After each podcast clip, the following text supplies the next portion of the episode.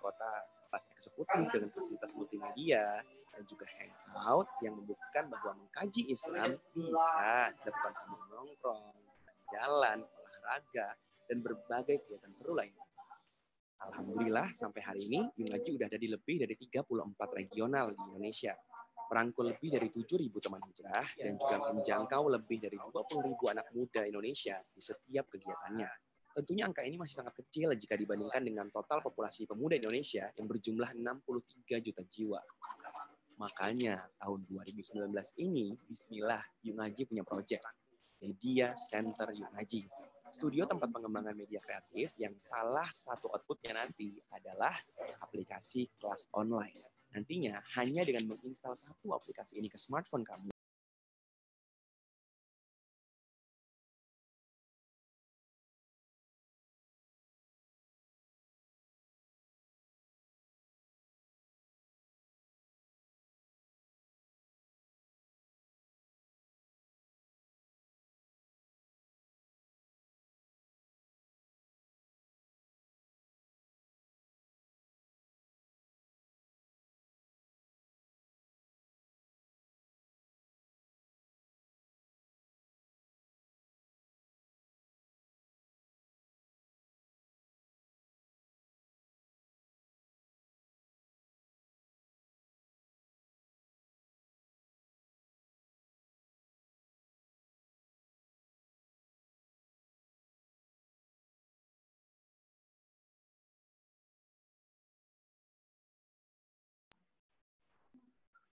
Ya, assalamualaikum warahmatullahi wabarakatuh.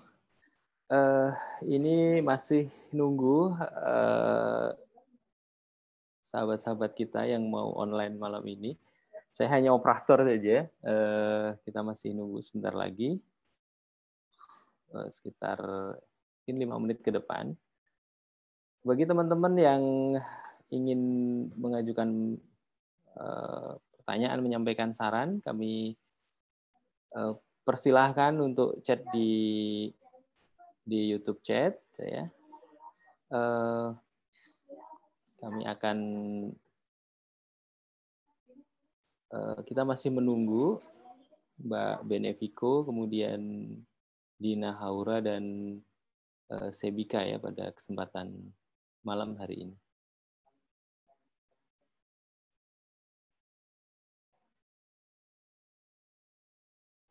Oke, uh, untuk menunggu sebentar sekitar 3-4 menit, kami putarkan kembali uh, video dari uh, Yuk Ngaji. Silahkan menyimak dan menonton. Kurang kaya apa coba Indonesia? Negeri kita ini diperkirakan mempunyai kekayaan SDA senilai lebih dari 200 ribu triliun rupiah. Tapi di negeri yang kaya semacam ini, masalahnya ada jangan selesai-selesai. Mulai dari kemiskinan, pengangguran, kriminalitas, krisis ekonomi, sampai bencana yang terus terjadi berkali-kali. Sekarang kita jadi tahu kan bahwa kaya nggak sama dengan bahagia. Bahagia itu bukan soal rezeki melimpah, tapi bahagia ada pada rezeki yang berkah. Terus gimana dong caranya biar negeri ini berkah? Allah Subhanahu wa taala sudah menjelaskan dalam Quran surat Al-A'raf ayat 96 bahwa iman dan takwa adalah satu-satunya kunci datangnya berkah. Sedangkan kekufuran dan kemaksiatan adalah kunci datangnya musibah. Karena itu muncul yang namanya Yung Haji. Karena kita sayang dan kita pengen negeri ini berkah, makanya kita bantu sebanyak mungkin pemuda-pemudi Indonesia untuk hijrah. Selama tiga tahun, Haji konsisten mengkampanyekan program-program hijrah yang kekinian. Mulai dari roadshow tablik akbar ke berbagai kota, kelas eksekutif dengan fasilitas multimedia, dan juga hangout Ini udah masuk ya, yang Ustaz? membuktikan bahwa mengkaji Islam bisa dilakukan sambil nongkrong, jalan-jalan, olahraga, dan berbagai kegiatan seru lain. Alhamdulillah sampai hari ini Yung Aji udah ada di lebih dari 34 regional di Indonesia. Merangkul lebih dari 7.000 teman hijrah dan juga menjangkau lebih dari 20.000 anak muda Indonesia di setiap kegiatannya. Tentunya angka ini masih sangat kecil jika dibandingkan dengan total populasi pemuda Indonesia yang berjumlah 63 juta jiwa. Makanya tahun 2019 ini, Bismillah, Yung Aji punya proyek. Media Center Yung Aji studio tempat pengembangan media kreatif yang salah satu outputnya nanti adalah aplikasi kelas online. Nantinya hanya dengan menginstal satu aplikasi ini ke smartphone kamu, kamu bisa mengakses kurikulum pembelajaran Islam secara komprehensif, mulai dari kelas online yang nanti akan diampu langsung oleh para asatis nasional. Juga ada e-book sebagai suplemen tambahan dalam kelas. Ada games dan kuis untuk melatih pemahaman. Ada challenge habits untuk melatih membangun kebiasaan baik dan berbagai fitur lainnya yang bisa dinikmati oleh siapa pun, kapan pun, dan di mana pun. Program investasi akhirat yang sangat besar ini juga terbuka untuk siapa pun yang tergerak untuk ikut berkontribusi. Siapa tahu dari rezeki yang kamu miliki nggak hanya mendatangkan keberkahan untuk diri kamu sendiri, tapi juga berdampak untuk keberkahan negeri ini. Yuk ngaji, seruan sederhana dari pemuda untuk keberkahan bangsa.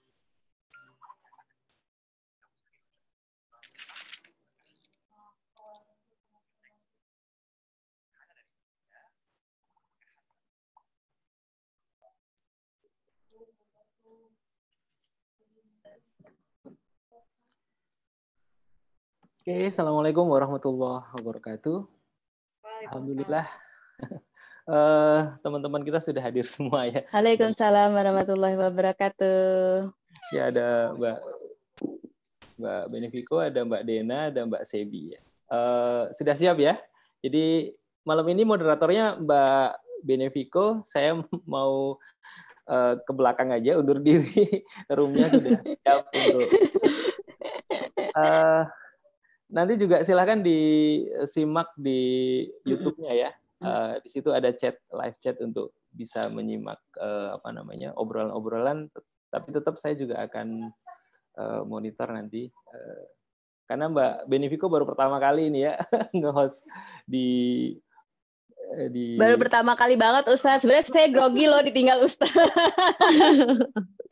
Oke, gitu ya. Lanjut aja nanti eh, berinteraksi dengan teman-teman. Kemudian nanti kita open untuk Zoom jam 20.45, terus kita admit all jam 21 untuk eh, diskusi ngobrol langsung gitu ya. Silakan Mbak Benefico untuk eh, menjadi host acara ini. Aku diri Siap dulu ya. Ustaz. Assalamualaikum warahmatullahi Siap, Waalaikumsalam. Ustaz. Makasih Ustaz. Waalaikumsalam warahmatullahi wabarakatuh Ustaz. Baiklah, baiklah kalau begitu. Teman-teman, Assalamualaikum warahmatullahi wabarakatuh. Waalaikumsalam warahmatullah. Jujur aja, ini pertama kalinya ya aku nge-live langsung di YouTube senasional, terus jadi host gitu. Karena biasanya aku tuh yang eh, biasanya ditanya-tanya gitu kan ya, jadi aku nggak pernah tahu tuh sebenarnya kalau host tuh harusnya ngapain gitu kan. harus buka, harus ngomong-ngomong segala macam gitu. Jadi ya kalau misalnya nanti ada agak ancur-ancur ya tolong dimaklumi ya teman-teman ya. Mohon maaf lahir batin sebelumnya karena ini emang pengalaman pertama banget dan alhamdulillah banget. Nah, teman-teman sekalian, di sini sudah hadir ada Kakak Dena Haura yang teman-teman sudah follow juga pasti Instagramnya ya. Dan kemudian juga ada Kakak Shebika Amanda. Halo Kakak Shebi, yang juga sudah pasti di follow ya Instagramnya semuanya. Dan tentunya eh, saya juga di follow dong ya. Itu di bawah situ tuh ada namanya @benefico. Oh diganti namanya. ya kira-kira begitulah. Teman-teman semuanya yang sudah hadir hari ini sudah menonton, um, kira-kira kebayang nggak sih dari judulnya yang kemarin uh, yang tadi kita posting ya itu judulnya kan Binder dan Dead. Kira-kira kebayang nggak sih ya. bakalan mau ngebahas apa? Ya, Iya ya, kita kan belum belum ini ya, belum ngezoom ya sama orang-orang ya. Baru berdua aja ya. Oh, ya Allah, Robi, maafkan aku. ya Allah, gemes banget apa, apa, Baiklah kalau gitu kita langsung kita langsung tanya-tanya aja kalau gitu ya. Kita biarkan Dena Haura yang ngomong dan Sedika yang ngomong sehingga aku bisa istirahat langsung. Wah gitu.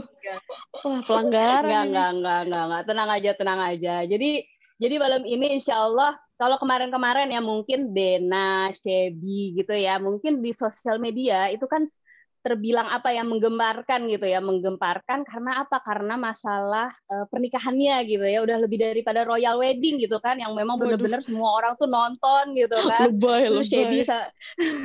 karena menikahi sosok yang memang juga followernya banyak gitu kan. Jadi orang-orang kayak langsung matanya tertuju dan tersorot gitu kan ke Dena, ke Shebi gitu kan. Aku pun juga baru kenal loh sama Shebi gitu karena memang setelah nikah sama Hawaryun baru baru kenalan, baru tahu gitu. Jadi emang uh, penasaran juga nih gitu. Kalau kemarin mungkin teman-teman udah pada ngebahas soal Kenapa sih? Pasti Akila tuh. Hai saya. Barusan diingetin salah gitu salah ngomong astagfirullahalazim jadi di sini ada wasit alhamdulillah yang oh, ngingetin gitu kalau salah salah ngomong ya ya jadi Dena dengan Hawaryun Shebi dengan Sifrun ya jadi oh. ini anakku di, di ujung sana dia yang ngecek gitu omongan bundanya yang kadang-kadang oh. suka semerawut gitu ya. Bagus, bagus. Ya, nak. alhamdulillah gitu ya. Lanjutkan, nak. Nah, jadi Makanya tadi kemarin aku kaget. pernikahannya mm -mm. Nggak, nggak, nggak jadi. Mm -mm tadi aku kaget kok lanjut lanjut kok ya. Shelby sama laki gua gitu salah ngomong gitu kebalik kebalik iya itu makanya untung banget ya Allah aduh ini kacau banget ini perdana nggak tahu deh aku nggak baca live dari YouTube yang live chatnya ini yang nggak tahu nih bakalan komen apa gitu aku tutup mata aja gitu kita ngobrol aja udah ya jadi kemarin mungkin teman-teman kan dikenalnya mungkin dari pernikahannya dari kemudian nikah muda gitu kan. Terus pertanyaannya itu semuanya rata-rata pasti ditanya seputar masalah pernikahan. Nah, kali ini yang mau kita bahas bukan tentang pernikahan tentunya ya, tapi kita mau kenalan nih lebih lanjut bersama Dena Haura dan Shebika tentang masa lalunya. Cila. masa lalu kita. Tentang masa lalu. Cebi suaranya mungkin boleh agak digedein dikit volumenya. Oh iya. Kedengeran nggak, Mbak? Siap, siap. siap. Oke, jadi kita pengen tanya-tanya nih gitu. Kan um, mungkin Dena kemarin-kemarin itu udah uh, apa ya ibaratnya followernya juga udah lumayan banyak gitu kan. Cuman memang mungkin masih belum tahu gitu kalau Dena ini sebenarnya anak hijrah kah atau kemudian memang yang sudah kayak suaminya Hawaryun yang memang anak baik-baik dari dulu lulusan apa lulusan pesantren gitu kan anak ngaji yang ngajinya tuh emang dari dulu gitu. Ataukah ternyata jangan-jangan jangan-jangan gitu kan preman tobat juga gitu kayak aku gitu kan terus Sebi juga gitu kan kita kan nggak tahu nih bertanya-tanya gitu Sebi dulu nih apa nih gitu Kenapa? Sebentar lagi. Malam ini kita akan bongkar semuanya. Oke, kita coba mulai dulu ya kulik-kulik ceritanya dari Dena dulu deh. Oke. Okay. Silakan Mbak Dena. Iya, Silakan Mbak Dena. Gimana nih? Ceritain apa nih? Langsung ya? Ceritain dulu Dena tuh sebenarnya anak hijrah kah atau anak yang memang dari dulu itu backgroundnya sudah belajar agama dan baik-baik dan hidupnya lurus-lurus saja seperti suaminya gitu. Oh gitu, oke. Okay. Jadi uh, gini guys, aduh pakai guys lagi so gaul banget. Jadi gini teman-teman. Berarti ketahuan anak gaul dulunya. Astagfirullahaladzim. Jadi gini teman-teman. Jadi uh, jadi sebenarnya banyak mbak yang nanyain si kak banyak yang DM gitu banyak nanyain kak atau Den kamu tuh gimana sih dulu cerita hijrahnya gitu. Nah kemarin kita itu aku sama Bang Hawa itu emang udah bikin video uh, sebelum-sebelumnya ya waktu waktu setelah nikah tuh kita bikin video dan emang di situ di situ aku sharing kalau aku tuh anak hijrah gitu. Cuman memang belum pernah diceritain nih ke teman-teman hijrahnya kayak gimana dan lain-lain. Jadi kalau secara background emang ya hidup cukup berliku-liku ya. Tapi tidak sepreman Wah, mantap mantap. Apa ya beda kali ya istilah preman sama aku dulu musisi sih musisi gitu. uh, uh. anak band anak band anak band gitu jadi emang ya tidak lurus pernah muter -muter tidak lurus gitu ya pernah tidak lurus sampai sekarang Sempet masih belajar muter -muter. untuk lurus oh luar biasa oh masya allah uh, ya ya luar biasa jadi dulu anak band ya yes. pernah tidak lurus gitu. Kita coba tanya dulu sekarang kalau ke Shebika ini. Shebi dulunya apakah memang sudah lahir dari ya backgroundnya pesantren, anak pesantrenan, anak yang kemudian lurus-lurus, anak ngaji, ataukah juga ternyata anak hijrah gitu yang masa lalunya ternyata anak band kah atau apakah gitu? Kalau ngomongin masa lalu, sebenarnya di sini kayak bukan mau buka aib sih ya Mbak sebenarnya. Kalau ngomongin masa lalu yang saya tahu sih kayaknya semua orang pernah punya masalah atau punya pernah melakukan kesalahan ya nggak sih Mbak? Melakukan kesalahan, iya banget, iya banget, aku banget ya. itu. Ya jadi aku juga dulu pernah melakukan kesalahan yang aku pikir kok bisa sih kayak gitu gitu. Dan ternyata memang setelah aku belajar Islam lebih dalam ya sekarang ini, oh iya loh gitu kan. Kita tuh adalah manusia dan manusia itu memang fitrahnya berbuat salah ternyata makanya deh saya dapat kesimpulan nih ke sini-sini belajar Islam lebih dalam jadi yang saya disimpulkan oh ternyata ada dua tipe manusia ternyata kalau menurut saya gitu ya. Yang pertama itu dia manusia yang hina gitu loh mbak. Yang di mana dia yang udah melakukan kesalahan terus dia terus melakukan kesalahannya itu dia nyaman sama kesalahannya dia nggak mau move on dia nggak mau hijrah akhirnya dia berkubang dalam kemaksiatannya kayak gitu loh mbak. Terus juga tipe yang kedua ini kayaknya tipe orang yang mulia gitu. Di mana dia itu habis melakukan kesalahan terus dia bertobat. Dia hijrah dan saya itu pikir kayak aku nih pengen gitu loh jadi orang yang mulia kayak gitu. Dan ke sini ke sini barulah memahami Islam kayak gitu. Dan emang awalnya tuh benar-benar gak gak tahu sih tentang Islam gitu ya. Sampai-sampai dulu tuh karena kehilangan figuritas mbak saya gitu dulu. Ah kehilangan figuritas lalu lu memfigurkan sosok yang lain gitu kali ya? Hmm, itu dia benar banget. Nah itu sosok yang diidolakan siapa tuh yang difigurkan tuh, yang salah sosok ya, itu? boleh kasih tahu nggak? Ya, boleh, boleh. Kayaknya dulu tuh karena Stebi uh, lagi zamannya Justin Bieber gitu loh mbak. Oh, iya. Justin Bieber. ayo ayo coba siapa yang dulu pernah Justin Bieberan di sini beliber beliber coba komen iya, di iya. live chat. Jangan kita pernah segrup. Senang sama Shebi ternyata ya karena kehilangan sosok ayah sih dulu tuh mbak hmm, karena Sebi memang gitu. uh, mm, udah ditinggal ayah wafat dari hmm. pas umur satu tahun dua bulan. Umur berapa? Umur berapa? Satu tahun dua bulan. Satu tahun dua bulan. Oh. Masya allah. Uh, strong sekali Shebi iya iya ya luar biasa ya. Masya allah, masya allah benar-benar. Jadi kebayang gitu ya memang harus struggle mencari sosok gitu. Dan akhirnya sosok itu berlabuhlah kepada Justin Bieber gitu ya. Justin Bieber. Karena memang saat itu dia yang sedang luar biasa naik iya. daunnya gitu kan. Oh ya gitu ya Allah. Terus terus terus udah gitu akhirnya uh, Shebi ngerasa kayak akhirnya sadar gitu ya kalau kayaknya nggak bisa deh mengidolakan hmm. orang yang seperti ini gitu. Ada nggak titik baliknya? dulu tuh karena saya itu punya tipe orang yang dia pekerja keras dan keras kepala sih ya jadi oh. kayak udah ngeliat ih kayaknya dia keren gitu terus banyak penggemar jadi artis dan hidupnya tuh nikmat gampang banget sih gitu. Akhirnya cari-cari cara gimana sih cara jadi artis itu gitu. Akhirnya oh jadi Shebi pernah pengen jadi artis? Jadi artis ya gara-gara oh, tadi cita-cita ya luar biasa. ya oke oke okay. menarik menarik. lihat kayak casting gitu loh mbak di majalah gaul. Pernah ingat gak mbak tuh majalah gaul? Atau yang G4 UL itu bukan itu majalah gaulnya kalau itu kayaknya TV-nya gitu Salah. channel Aduh, aku nggak tahu ya. Ya, kita Aku kan kayak dari gaul yang paling alay sampai yang paling hit juga aku kayaknya semua dijabanin ya. ya, ya, ya, lanjut, lanjut. Silakan, silakan. Oke, oke, oke lah. Anggaplah majalah gaul itu ya. Oke, terus, terus, terus. akhirnya di situ tuh dapet kayak casting gitu sih mbak ikutan casting tuh ceritanya. Sebi sok-sokan pengen jadi artis dan Luar ternyata biasa, susah Sebi. banget perjuangannya itu harus ngorbanin waktu ngorbanin uang Heeh. dan keluarga pun ngerasa Oh. mau apa lagi sih bi gitu loh terus pas di tengah jalan malah gagal dan saya ngerasa ih kok bisa gagal sih gitu loh padahal pengen punya cita-cita yang Oh. jadi artis Mm-mm. tadi kayak gitu. Tapi kalau nggak diceritain lebih Mm-mm. jauh lagi panjang sih mbak ceritanya sampai akhirnya saya eh, down lah gitu kan. Dan ngerasa ada di mana titik eh, ada titik di mana Sebi itu benar-benar down banget gitu kan karena cita-cita tadi udah nggak tercapai.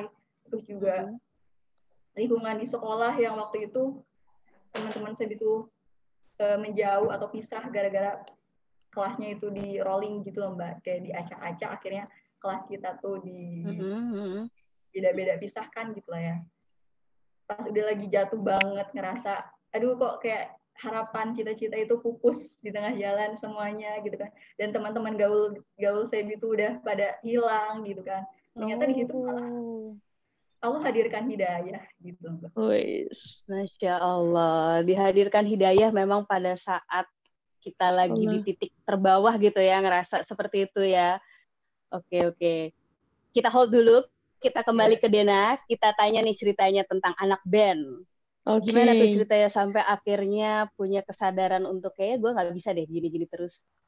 Iya. Oh ya, BTW kita sama ya, Bi ya. Entertainment ya. Iya dan Entertainment Jadi ya? kebayang. aku kan dari Kebayang ya. Kebayang ya. Mbak Bene juga. ayah gitu loh. Terus Dena tuh mohon maaf nggak ada orang tuanya yang apa ibunya udah Ibu. nggak ada gitu ya. Heeh. Mm, jadi kayak kira Heeh. ada apa nih? Jangan-jangan kita jodoh, Bi. Dua- Iya. Oke, jadi kalau masa masalah titik balik nih ya, Mbak ya. Waktu itu aku emang start untuk mm, belajar atau ngulik-ngulik Islam lebih dalam itu akhir 2014. Jadi 2014. ya jadi kelas 3 SMA waktu itu. Oh, masya Allah. waktu itu, SMA. mm. Shebi malah dari SMP ya, Masya Allah banget. Oh iya. Sebi itu ya. Heeh. Sadar sejak dini dia. Sajar sejak dini, masya Allah, Masya luar Allah. biasa. Tapi memang semua emang diberikan waktu terbaik ya sama Allah ya. Nah, kebetulan aku emang dapatnya waktu itu eh, akhir 2014 dan memutuskan untuk mulai berhijab itu awal 2015. Jadi emang baru lima 2015. tahun. Iya. Mm-mm. Nah, oh, masya Allah. Titiknya itu waktu itu ngerasa hidup kok hampa banget ya perasaan Ben oke-oke aja, keluarga support segala hal yang dilakuin, terus teman-teman ada, semua tuh ngerasa nyaman gitu. Maksudnya sama sama kehidupan tuh ya problem tuh nggak berat-berat amat biasa aja bisa terhandle semua. Tapi kok hati ngerasa gelisahnya tuh gelisah banget gitu. Eh, gelisah banget, terus apa-apa tuh kepikiran tapi nggak tahu kepikiran apa dan memang ketenangan itu nggak ada saat itu. Lalu kebetulan eh, 2015-2014 itu Rasa lagi nggak tenang hits. ya. Yes. 2014-2015 itu lagi hitsnya ASFM. Mm-mm. Nah, di ASFM, Oke, oke. Yes, yes. di ASFM itu anak-anak muda banyak banget tuh yang memperkenalkan tentang Islam. Hmm. Ya, dan di situ ada satu figur yang di mana figur itu benar-benar nyeritain perjalanan hijrahnya. Dan dia tuh eh, ngasih timeline timeline dia berubah itu dari awal tuh dari kegelisahan kegelisahan dan keresahan segala macam. Terus aku ngerasa kok gue banget? gitu ya. Apakah Oh. ini? gitu. Apa Masya karena Allah.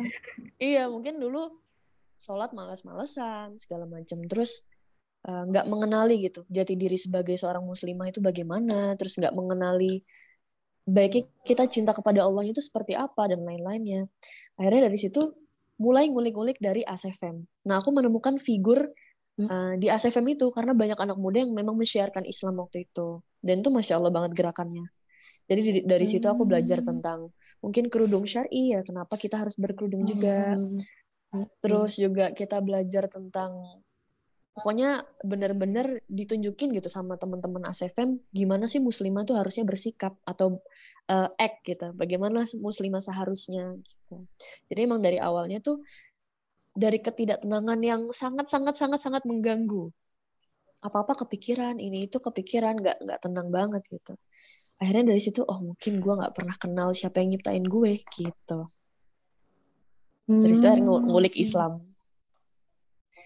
Jadi istilahnya kayak gini sih Mbak, kita tinggal di bumi. Bumi ini ada pemiliknya gitu. Gimana kita mau apa ya? Gimana kita mau Jadi gini, kita tinggal di bumi. Bumi ini ada pemiliknya. Nah, gimana kita mau ti- tenang tinggal di bumi itu ketika kita nggak kenal sama pemiliknya? Ya, Sama kayak sama mungkin pemiliknya. Heeh, mungkin gini, kayak misalnya aku tinggal di rumah tante aku. Numpang nih, kan kita di bumi juga numpang. Aku tinggal di rumah tante aku, terus aku nggak deket nih sama tante aku, atau bahkan nggak sapa-sapaan sama sekali. Gimana rasanya kita bisa tenang tinggal di rumah tante aku? Gimana rasanya bisa luas tinggal di rumah tante aku ketika kita nggak deket gitu? Aku bahkan nggak bertegur sapa. Kan nggak begitu. Rasa Jadi jauh gitu. gitu ya sama yang punya rumah. Iya, kerasa jauh sama yang punya rumah. Sementara di sini kan kontrak gitu. Jadi Gelisah berawal nih. sebenarnya dari masalah ke em, apa sih kita tuh ngerasa kayak gelisah ya. Jadi Iya. baik Dena maupun Shebi gitu ya, memang ada pada suatu momen yang mana memang ngerasa kayak ada sesuatu yang nggak tenang gitu kan, ngerasa gelisah, ngerasa dan ketika gelisah itu waktu itu belum tahu jawabannya kan, Heeh. belum tahu jawabannya kenapa sampai akhirnya kemudian memutuskan untuk mencari tahu gitu. Ya alhamdulillah kemudian teman-teman ketika akhirnya kondisi seperti itu dan ketemu gitu ya jawabannya itu melalui jalan em, ya hidayah Allah itu lewat apa aja gitu ya ternyata bisa bisa lewat as eh, apa? As FM. FM ya as Wah ketahuan generasinya Kalau beda nih. FM iya. Aku memang nggak as Maaf ya. FM-an ini lidah belibet ya. Karena aku langsung Twitter saat itu langsung Oke, Twitter gitu oke. ya jadi kalau kalau Sebi dulu gara-gara kegagalan juga gitu ya jadi Gagal. memang kadang-kadang ada di posisi yang kadang kita ngerasa gagal atau kemudian kita ngerasa kayak mungkin kalau Dena lagi di posisi yang sebenarnya lagi asik-asiknya gitu kan Iya. ketika ngeband apa aja tuh kayaknya semuanya oke gitu lancar-lancar aja tapi ternyata ngerasa kosong gitu Mm-mm. jadi ya memang kondisi-kondisi itu tuh sebenarnya kayak apa ya kalau aku bilang tuh kayak Allah tuh sebenarnya memberikan sinyal-sinyal gitu ya buat kita buat buat nyadar gitu buat nyentil gitu kalau aku sendiri kan memang dulu hijrahnya itu sebenarnya ya Allah tuh kayak udah ngasih banyak sinyal gitu kan ya Mm-mm. udah pernah ngasih banyak sinyal gitu kan. Dan jadi dulu aku tuh juga nakal, juga bandel, terus kemudian suka keluar malam dan ketika keluar malam itu memang orang tua aku nggak tahu gitu. Dan aku ngerasa kayak selama belum ketahuan, ya lakukan saja Wih, terus gitu mantap. kan. Ada yang Jadi nggak ada yang lihat gitu kan, ngerasa kayak nggak diliatin gitu, ngerasa kayak berhasil nih dengan teknik-teknik tertentu kabur dari rumah gitu kan, keluar malam terus masuk lagi nyelinap-nyelinap gitu kan, sampai akhirnya Mantap. ketahuan gitu. Nah, ketika ketahuan itu orang tua aku pasti marah besar dong gitu. Karena apa? Karena orang tua aku itu memang tipe orang eh, apa namanya? eh, kalau kalau aku bilang sih dulu kolot ya gitu. Jadi emang yang nggak nggak bolehin anaknya keluar malam, apalagi pacaran, apalagi segala macam gitu.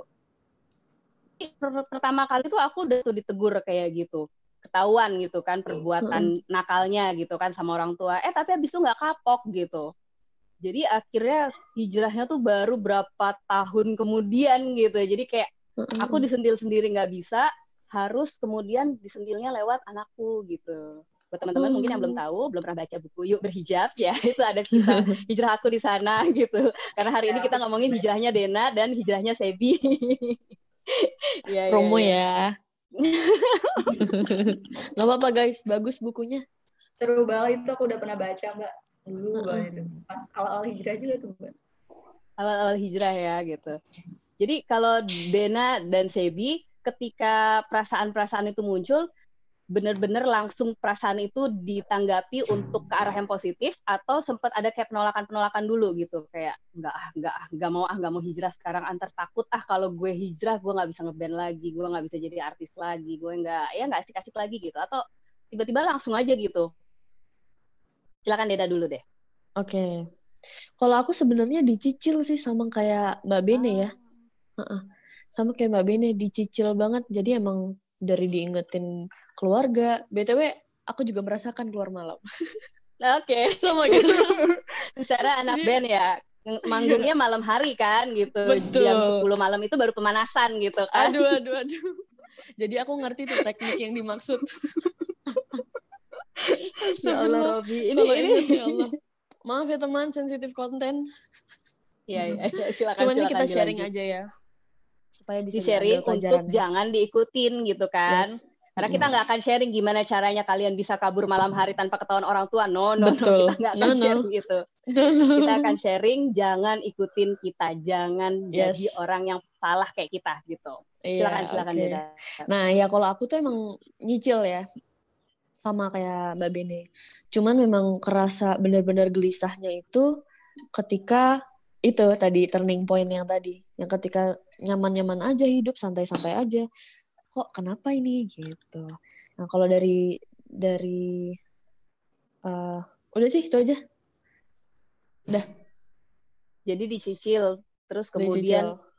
bertambah gitu ya Uh, uh, uh, uh, bertambah bertambah yakin yakin yakin yakin eh bertambah, bertambah yakin. yakin tambah gelisah gelisah gelisah gelisah ah, terus akhirnya okay, okay. Mm -mm, akhirnya terfasilitasi dengan adanya A7 itu dengan input-input dan informasi ah, yang masuk Allah. gitu terus juga ya mbak kalau misalnya hmm. kita sadarin ternyata hidayah itu -hmm. semua tuh bisa jadi hidayah gitu hmm. cuman mungkin koneksi kita ke Allah itu belum bikin kita nyampe gitu mungkin connection kita tuh belum se apa ya istilahnya belum setajam itu kita untuk melihat hidayah itu. Bahkan aku setelah uh, waktu mulai hijrah pun tuh baru tahu kalau azan tuh sebenarnya hidayah. Itu kan panggilan Allah. Ayo salat ayo salat gitu. Hmm. bahkan baru baru nggak gitu wah semua itu bisa jadi hidayah ya. Melihat orang di pinggir jalan aja bisa jadi hidayah melihat orang yang mungkin hidupnya nyaman bisa jadi hidayah segala macamnya. Dan mungkin memang kita yang belum peka sama hidayah itu. Karena emang ada kan istilah hidayah tuh dijemput ya Betul. Ya. Emang kita harus peka ya, Den. Iya, harus, harus peka, peka gitu. Kalau Shebi gimana Shebi? Dulu pas ada sinyal-sinyal hidayah itu langsung atau pakai denial dulu gitu, denial?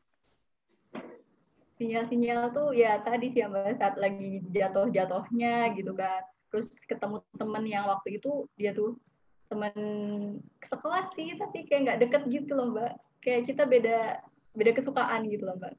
Padahal sekelas kayak gitu. Tapi pas dia nggak ngasih tahu ada yang bikin shock Sebi gitu. Dia bilang tuh bi kata dia berhijab itu dalam Islam wajib loh. Dan itu Sebi kayak masa sih? Gitu loh. Emang kayak gitu? Emang iya? Gitu loh. Akhirnya ke bawah sampai rumah gitu loh, mbak. Kepikiran kepikiran masa sih? Gitu loh. Terus mikir lagi dibuka Qurannya oh bener ya ternyata pakai kerudung berhijab itu wajib dalam Islam muslimah tapi saya pikir kalau aku nggak pakai kerudung aku nggak bisa masuk surga dong gitu apalagi kan aku mengimpikan atau mengidolakan bahwasanya aku tuh pengen banget masuk surga pengen ketemu ayah gitu loh mbak ya bisa dibayangin itu oh, umur satu tahun dua bulan dan nggak yeah, punya yeah, sosok yeah. ayah itu kan kayak ngerasa mm -hmm. ya pakai cara apa lagi sih gitu? Aku bisa ketemu sama ayah itu selain aku bisa masuk surga gitu. Sampai kenapa gitu kan? Aku bisa yakin kalau misalnya ayah aku tuh bisa masuk surga gitu. Karena orang-orang di sekitar aku keluarga aku kalau nyeritain tentang ayah itu dia adalah sosok orang yang benar-benar luar biasa gitu kan. Dikenal baik hati gitu. Dan lebih apa ya bahkan lebih care ke tetangganya gitu daripada keluarganya dulu gitu kan. Maksudnya lebih mendahulukan orang lain daripada dirinya sendiri gitu. Sampai mama tuh cerita pas di akhir hayat uh, ayah gitu.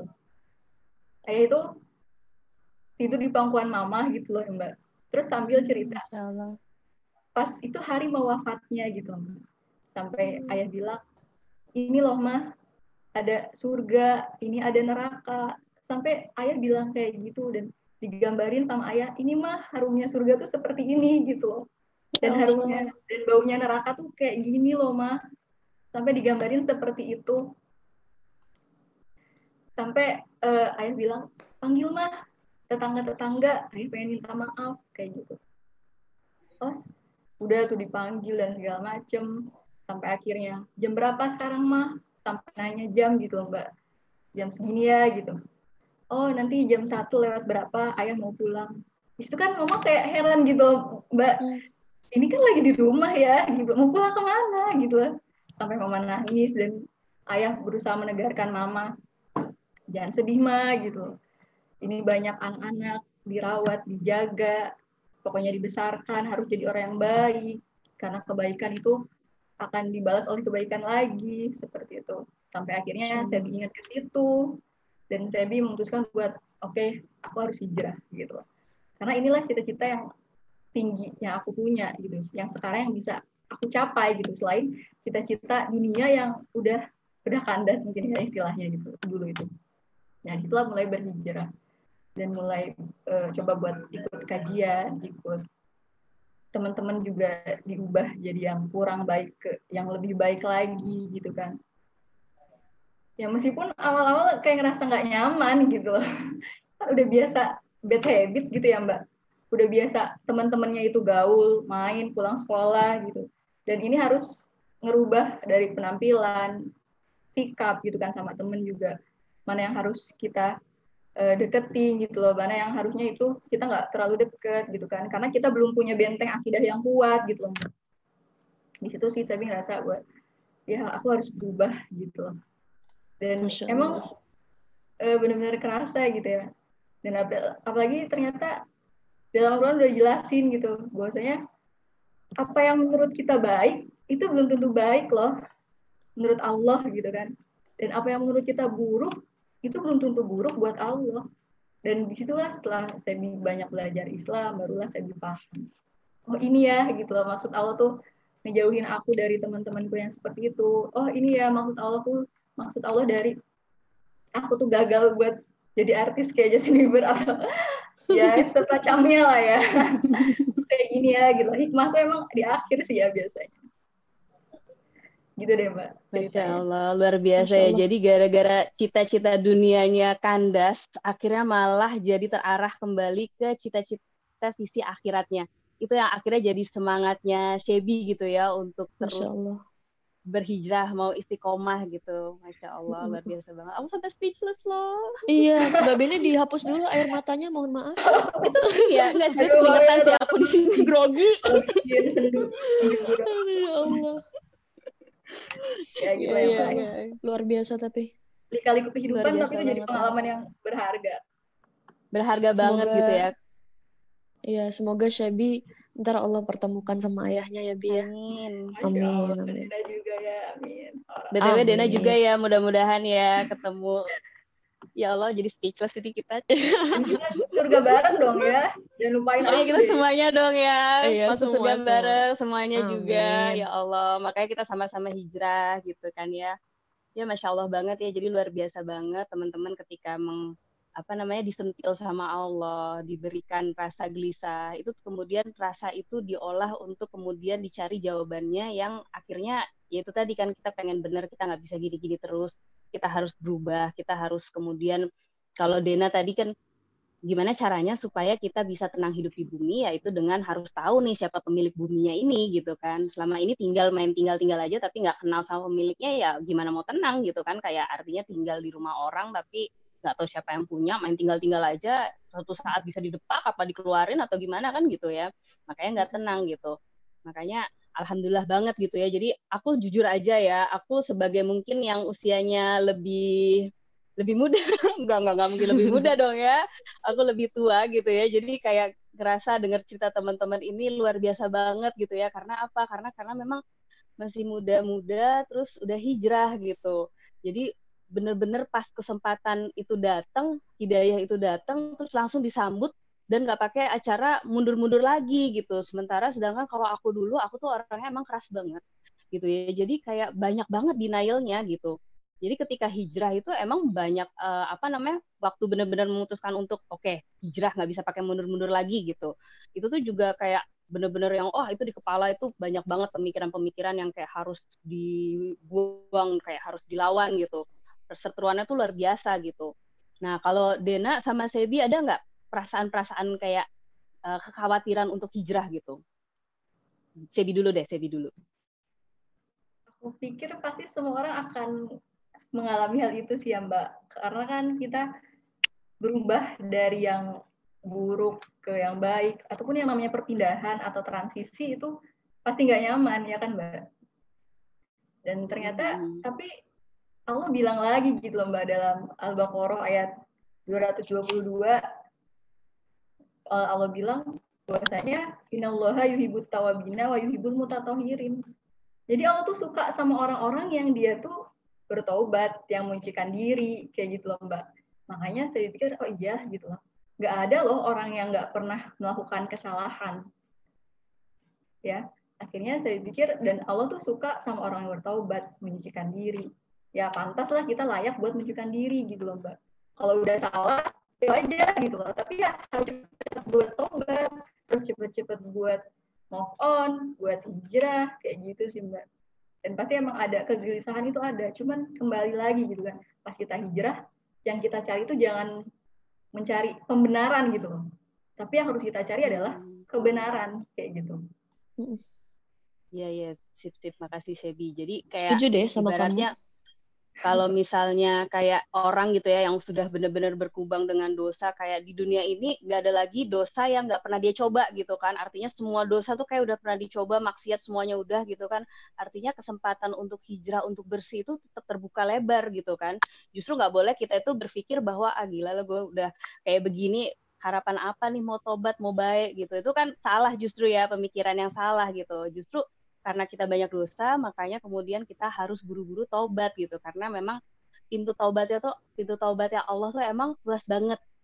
Luas banget gitu luas kan. Dan Allah memang mencintai orang-orang yang bertobat gitu. Jadi kalau Allah itu senang gitu kalau ada hambanya yang bertobat seperti lebih senengnya daripada seorang apa seorang saudagar ya yang kehilangan untanya di padang pasir gitu kan dan ketemu lagi gitu. Nah itu senengnya tuh lebih daripada itu gitu senangnya Allah terhadap hamba-hambanya bertobat. Jadi mungkin sekalian pesan juga buat teman-teman, kalau misalnya teman-teman sekalian gitu ya, yang ngerasa kayak, ah gila dosa gue udah banyak banget, kemudian kayaknya nggak ada maksiat yang belum gue cobain gitu, semuanya udah gitu. Jadi jangan putus asa, jangan kemudian ngerasa kayak nggak ada harapan untuk bersih.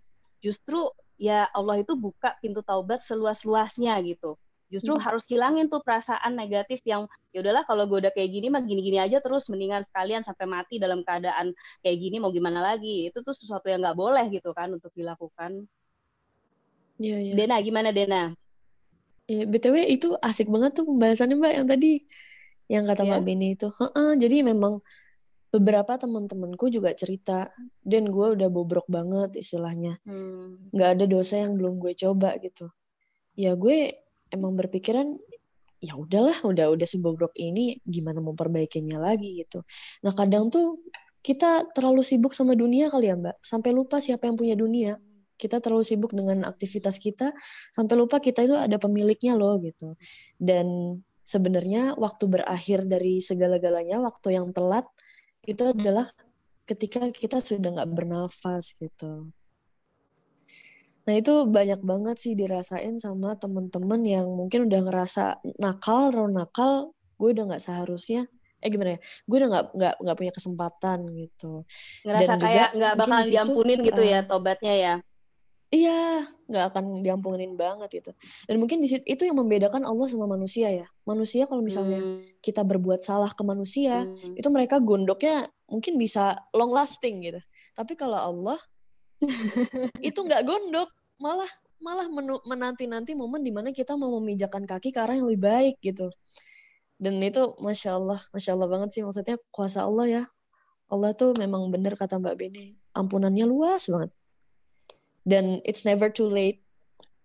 It's never too late sih untuk kita semua gitu. Bahkan mungkin uh, ya mungkin aku aku sebagai pribadi yang klaim aku udah start hijrah nih itu akan terus hijrah terus sampai meninggal gitu kan karena kita nggak tahu endingnya tuh kita meninggalnya seperti apa dalam keadaan apa dan apakah de dekat dengan Allah gitu makanya kita struggling terus kan semuanya. Jadi semangat buat teman-teman yang ngerasa kayak gue nggak bakal semuanya.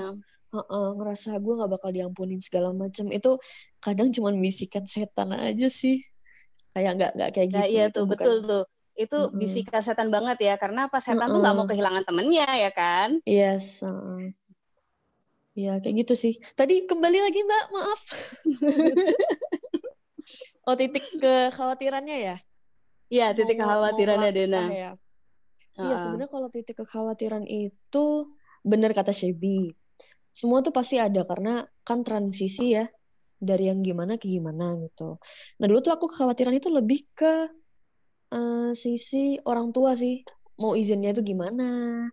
Terus juga mungkin pandangan dari teman-temannya gimana gitu. Karena dulu aku pernah jadi panitia prom night Mm-mm. Nah, karena aku mungkin eh, waktu itu belajar tanpa disertai guru ya, jadi mungkin belum memiliki kedewasaan apa ya, emosional gitu. Walaupun sekarang masih belajar, cuman dulu kan aku masih 16 tahun tuh. Jadi belum mungkin belum stabil gitu. Jadi ketika aku menjabat seperti se- menjadi panitia prom night, terus aku keluar, prom night itu gagal gitu. Karena emang prom night kan Oh. berdua-duaan cewek cowok, terus peluk-pelukan gitu kan. Mm-mm. Prom Kebayang, king, prom kebayang. queen gitu. Terus Nah, nanti di ada situ- dance together kan mereka. Iya, dance together. Terus tutup mata gelap-gelapan cari pasangan itu kan. ya, kayak gitu lah. Iya, banget. iya. Paham, paham. Iya, dan mungkin aku di situ memang belum apa ya, emo- emosionalnya belum stabil, jadi belum tahu bagaimana cara fix semuanya. Dan di situ aku lumayan mess up sih, karena mungkin masih ya belum ada yang bimbing gitu. Nah, kekhawatiran di situ. Jadi gimana ya tanggapan orang-orang gitu. Cuman ketika apa ya ada ada banyak kalimat-kalimat, ada banyak buku-buku yang menguatkan sih memang kayak ya udah niatnya kan memang bukan untuk manusia. Jadi nggak usahlah berkaca pada kacamata manusia gitu. Karena kacamata Allah itu yang kita raih kan, ridhonya. Gitu. Jadi khawatir adalah ya begitu. Cuman Luar biasa banget gitu ya. Kalau aku tuh Iya. dulu juga khawatir loh sebenarnya pas mau hijrah gitu. Salah Heeh. satu kekhawatiranku itu selain pakai hijab nanti panas, nanti nggak bisa nonton konser lagi gitu kan, nggak bisa ngeband ngeband, terus malah nanti datangnya jadi dari pengajian ke pengajian dong, dan itu emang ternyata terbukti banget gitu kan sekarang jadi Iya, pengajian iya. ke pengajian gitu. Karena dulu dalam bayanganku tuh pengajian tuh nggak asik banget gitu kan, isi orang tua nggak seru dan lain sebagainya gitu. Alhamdulillah sih begini gitu akhirnya ya sekarang. Nah Terus salah satu yang bikin aku takut juga untuk hijrah, apalagi kemudian memulai coba untuk pakaian yang syar'i gitu ya, adalah waktu itu kalau misalnya kita berubah untuk pakai yang syar'i, di mana waktu itu orang-orang tuh masih jarang yang pakai pakaian syar'i gitu ya, pakai hijab syar'i. Terus nanti kalau kita berubah itu langsung anggapan orang tuh kita tuh langsung kayak dianggap udah paling ngerti agama gitu. Suci. Bayang nggak? Jadi kalau iya kalau udah bajunya panjang gitu kan, udah pakai gamis gitu, udah ketutup seperti itu, kayaknya tuh udah yang paling ngerti agama, terus nanti pasti ditanya-tanyain gitu kan, Heeh. ditanya-tanyain "Eh, soal ini pandangannya begini begitu dan lain Ustazah sebagainya. dipanggil ya? Kak, Ustaz, oh iya benar dipanggil ustazah gitu kan. Dan itu Ya yang Allah. bikin aku takut sebenarnya, takut untuk mulai melangkah gitu. Karena apa? Takut banget dengan nanti beban yang seperti itu gitu kan, harus merepresentasikan Islam, harus kemudian tahu semua tentang Islam karena nanti bakalan ditanya-tanyain gitu. Tapi ya akhirnya aku pikir kayak ya udah kalau misalnya mau kayak gitu terus pikirannya kapan mau berubahnya gitu kan. Karena Mm-mm. itu tadi ada persoalan lain tentang surga neraka yang pengen kita kejar dan yang pengen kita hindari gitu. Kita mau Mm-mm. masuk surga dan menghindari neraka atau justru malah sebaliknya.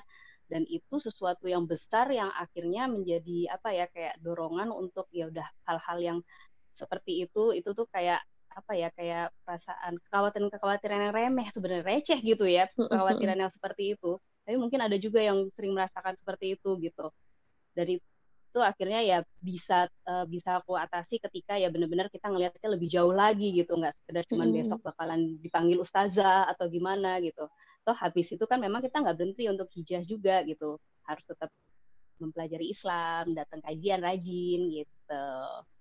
Nah, teman-teman sekalian, di sini ternyata sudah banyak yang masuk ke waiting room-nya. Baiklah, Oh, kalau gitu wow. kita coba masukkan gitu ya partisipannya, kita masukkan. Oke, kita undang dulu teman-teman. Sudah banyak yang datang. Banyak ya Mbak ya. Nah, Wah, sudah rame, siap asik untuk Sudah siap untuk bertanya-tanya Oh. gitu kepada Kak Shebi dan Kak Dena? Dan Mbak Benefico juga.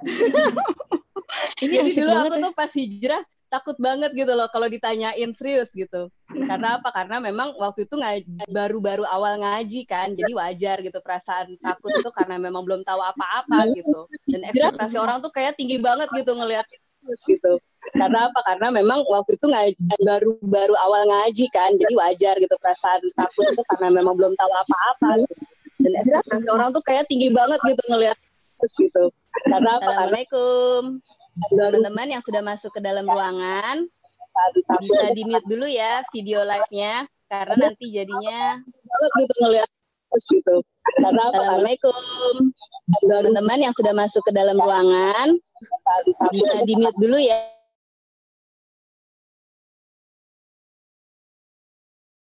Oke, ini sudah ada yang raise hand dari Nurul Istiqomah. Ustadz Husain mungkin boleh dibantu ini kalau ada yang raise hand terus saya harus berbuat apa ya Ustadz?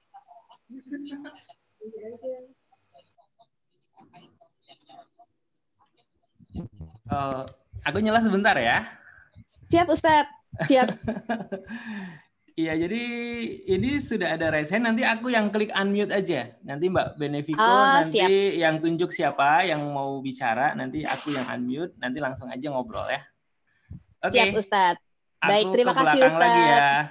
Siap Ustadz, baik. Berarti tadi yang pertama kali raise hand ada Nurul Istiqomah.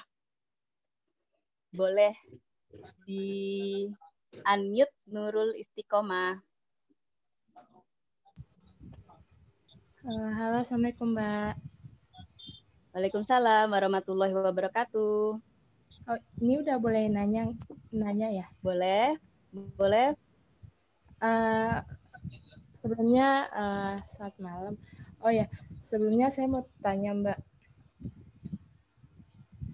Oh ya, Em, saya mau Silakan. tanya sama eh, Mbak Shebi sama Mbak Dena soal eh, kan mereka berdua ini kan bisa dibilang eh, baru aja nikah ya. Terus eh, sharing dong eh, soal gimana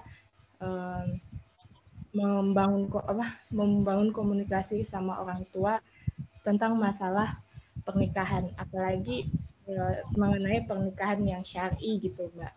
Ada nggak sih dulu eh ada nggak sih sebelum mereka eh, memutuskan untuk menikah secara syar'i? Ada nggak sih struggling struggling yang mereka hadapi sebelumnya gitu? Eh, mohon eh, sharingnya ya mbak ya. Makasih banyak. Assalamualaikum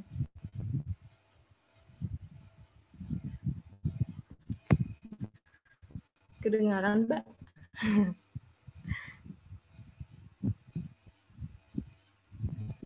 Mbak Nurul, halo. Halo?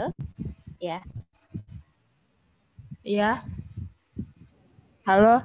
Udah kedengeran, Mbak. oh nggak kedengeran ya? Udah, udah. ini kedengaran oh sekarang udah. Eh, aku ulang lagi ya mbak pertanyaannya ya. Halo Iya, udah udah kedengeran kok, Mbak. Pertanyaannya gimana tips Eh. buat yakinin orang tua kan ya? Iya Mbak, Hmm. jadi de- eh, sharing gimana waktu Mbak Shebi sama Mbak Dena tuh sebelum nikah membangun komunikasi sama orang tua mengenai eh, pernikahan syar'i biar biar eh, orang apa biar orang tua itu bisa paham gitu.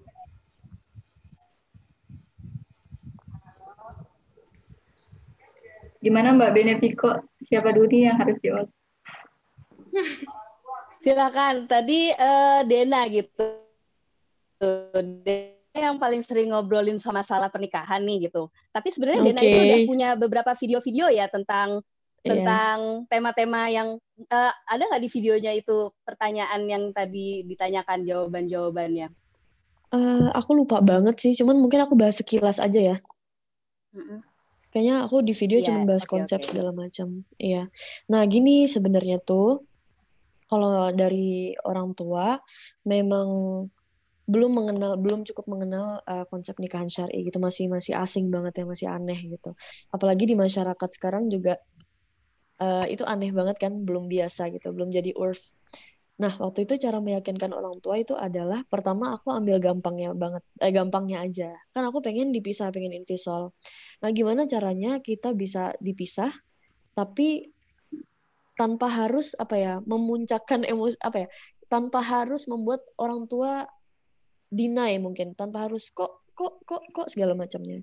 Yang pertama caranya adalah aku tuh benar-benar pilih tempat yang di mana memang harus terpisah yaitu masjid. Nah di situ itu itu lebih akan lebih simpel sih ngejelasinnya. Karena memang masjid itu pertama memang dipisah gitu. Jadi ketika memilih untuk invisal atau dipisah, memang aku sudah sudah apa ya sudah kasih tempat yaitu aku pengen di masjid. Dari situ mungkin orang tua bisa lebih memahami gitu. Nah untuk tempat makannya mungkin kan uh, bingung juga ya kalau dipisah gimana. Orang tua tuh bakal mikir sama keluarga nanti gimana makannya? Jadi nggak nyatu dong gini gini gini segala macam. Itu caranya kemarin aku adalah kalau untuk tamu undangan itu kita pisahkan tempat makannya akhwan ikhwan. Tapi untuk keluarga kita bikinin tempat khusus. Jadi keluarga tetap bisa berinteraksi. Kalau keluarga kan uh, insya Allah nggak apa-apa ya karena kan banyak banyak mahramnya gitu. Maksudnya aman lah kalau keluarga. Tuh kalau misalnya tamu undangan lainnya selain keluarga memang kita pisah gitu sih. Jadi pertama adalah pilih tempatnya yaitu masjid kita. Auto auto terpisah. Auto auto. Iya. oke oke Dena thank you. Sekarang Sebi Sebi. Kalau aku ya Mbak. Aduh kayaknya kalau aku inget hari H itu di tengah-tengah wabah corona, asya Keren banget sih kalian, keren banget tapi. Kalau aku sih pengalaman aku ya Mbak, e, menurut aku bangun kepercayaan orang tua itu sejak kita hijrah sih Mbak. Karena kan pas kita udah hijrah, terus kita akhirnya e, apa ya pandangan kita tentang suatu hal itu kan berbeda gitu ya, berubah dan tentu kita kalau misalnya berbicara tentang masa depan tentang pernikahan, konsep pernikahan kita dulu saat sebelum hijrah dengan saat sesudah hijrah itu berbeda ya kan Mbak. Akhirnya dari situ mulai, oh ternyata kayak gini loh, Islam tuh ngatur kalau misalnya buat pernikahan tuh seperti ini, misalnya invisol, lalu juga nggak tabarus, dan segala macam. Maka dari situ, Tebi buat eh, saat udah bangun kepercayaan sama orang tua, bahwasanya apa pun yang segala hal yang kita pilih itu baik gitu dan benar menurut Islam gitu agama kita gitu. Makanya kalau uh, orang tua udah melihat kita, perilaku kita dan apa pun yang kita pilih itu baik, benar dalam Islam, akhirnya ke depannya gitu. Kalau kita memutuskan suatu hal dan orang tua tuh akan oh iya anak anak anak anak gue tuh gitu misalnya. Udah tahu loh mana yang harus dia ambil misalnya seperti itu. Makanya pas aku nikah gitu kan orang tua tuh ya ya udahlah terserah kamu gitu loh intinya mbak. Ya kamu lebih tahu lah apa yang kamu jalanin ke depannya nanti gitu kan dan apa yang kamu mau juga ke depannya kayak gitu. Jadi yang pertama tadi bangun kepercayaan orang tua bahwasanya apa yang kita pilih itu ada alasan gitu misalnya.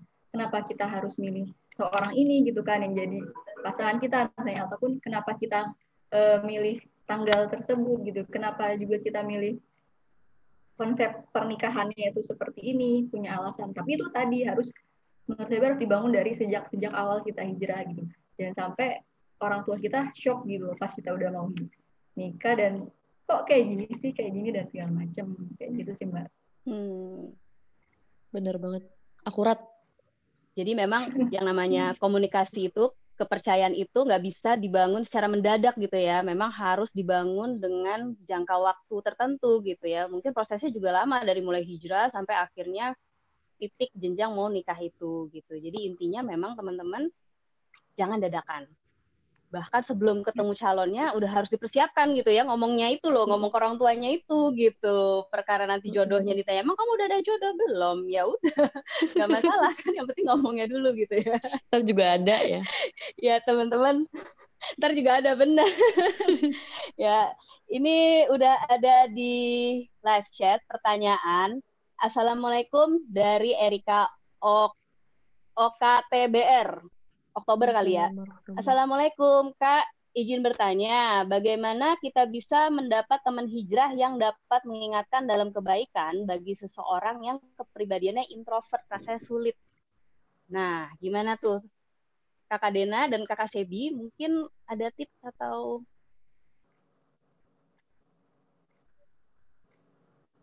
Bi, silakan Bi. Oh iya. Apa tadi Mbak? Kalau saya kepribadiannya itu introvert. Iya, introvert Bi. Mau cari teman mau hijrah hijrah. gimana? Menjadi teman Heeh. hijrah. Heeh. Karena kepribadian itu sebenarnya bisa dibentuk sih ya. Misalnya aku tuh dulu eh, orangnya pecicilan gitu loh, kayak ih apa sih gitu pecicilan. Tapi setelah hijrah tuh kita ngerasa harusnya kita nggak pecicilan di daerah yang sini, tapi harusnya kita bisa eh, bersikap oh di sini apa di di hal apa kita harus bersikapnya apa kayak gitu. Kalau aku sih orang yang introvert itu sebenarnya kayak kita harus keluar dari pemikiran yang seperti itu gitu loh. Jangan sampai ya kayak tadi kita bicara gitu Mbak, itu tuh cuman bisikannya setan gitu. Waswisu fi sudurinas gitu. Cuman bikin was-was kita, "Ah, kamu tuh orang introvert gitu. Gak bakal punya teman gitu. Kamu tuh susah buat Hmm. bergaul. Kamu tuh nggak asik orangnya misalnya. Udahlah nggak usah hijrah gitu. Tapi ya tadi itu adalah bisikan-bisikan setan. Sebenarnya kita bisa kok jadi enggak introvert gitu ataupun kita bisa kok cari teman yang ya minimal setipe sama kita lah ya. Sebenarnya mungkin semua orang nggak nggak cocok sama kita, tapi kita bisa cari orang yang cocok sama kita. Dia baik, dia humble dan dia enak buat ngajak kebaikan, orang yang baik dan segala macam gitu. Berarti kita harus ngedeketin orang itu kayak gitu. Carilah orang-orang yang setipe sama kita dan dia bisa ngajak kita kepada kebaikan kayak gitu. Kalau misalnya kita emang oh masih introvert nih gitu, masih malu-malu kayak gitu sih. Mbak. Iya. siap-siap? Kakak Dena gimana? Tipsnya Oke. mungkin buat orang introvert yang bingung gitu, apa harus dia ke mana, pergi ke mana, menemui siapa? Iya, jadi kalau dari aku sih ya, kadang itu kita terlalu apa ya? Terlalu fokus dengan bukan terlalu fokus ya, terlalu terlena dengan frame yang udah tercetak di masyarakat gitu. Bahwasanya introvert tuh nggak bisa ngapa-ngapain, introvert tuh nggak bisa bergaul dan segala macam. Kalau eh, lihat kalau kalau apa ya dig in secara dalam secara psychological, aku pribadi seorang introvert. Aku pribadi seorang introvert, tapi mungkin di situ aku tuh berusaha untuk nggak nggak ngotakin diri bahwasannya gue nggak bisa keluar gitu. Jangan sampai kita karena kita introvert, jangan sampai kita tuh ngebangun tembok yang bisa menghalangi langkah kita gitu. Karena itu problem yang ada di masyarakat. Introvert eh, sama dengan tidak bisa bergaul. Itu yang ada di masyarakat. Sebenarnya nggak gitu. Dan introvert itu nggak apa ya? Bukan sifat yang paten gitu. Karena kita bisa, benar kata Shebi tadi, kepribadian itu bisa dibentuk dan kita masih bisa berkembang dengan adanya pertama explore diri, kedua itu benar-benar kenalin diri, terus ketiga benar-benar apa ya memahami gimana sih cara kita bersosialisasi dengan nyaman itu gimana. Nggak harus nggak harus eh, memaksakan diri untuk bisa bersosialisasi dengan cara yang ada di masyarakat yang bikin kita nggak nyaman gitu. Karena setiap orang pasti punya cara bersosialisasinya sendiri. Tapi kadang kalau misalnya kita tiba di keadaan yang memang kita harus ber, bergaul dengan orang lain dengan cara yang ada di masyarakat, itu kadang kita juga harus push diri sih gitu. Cuman intinya nggak usah terlalu maksa, nggak usah terlalu frame diri bahwa kita introvert dan nggak bisa jalan gitu sih.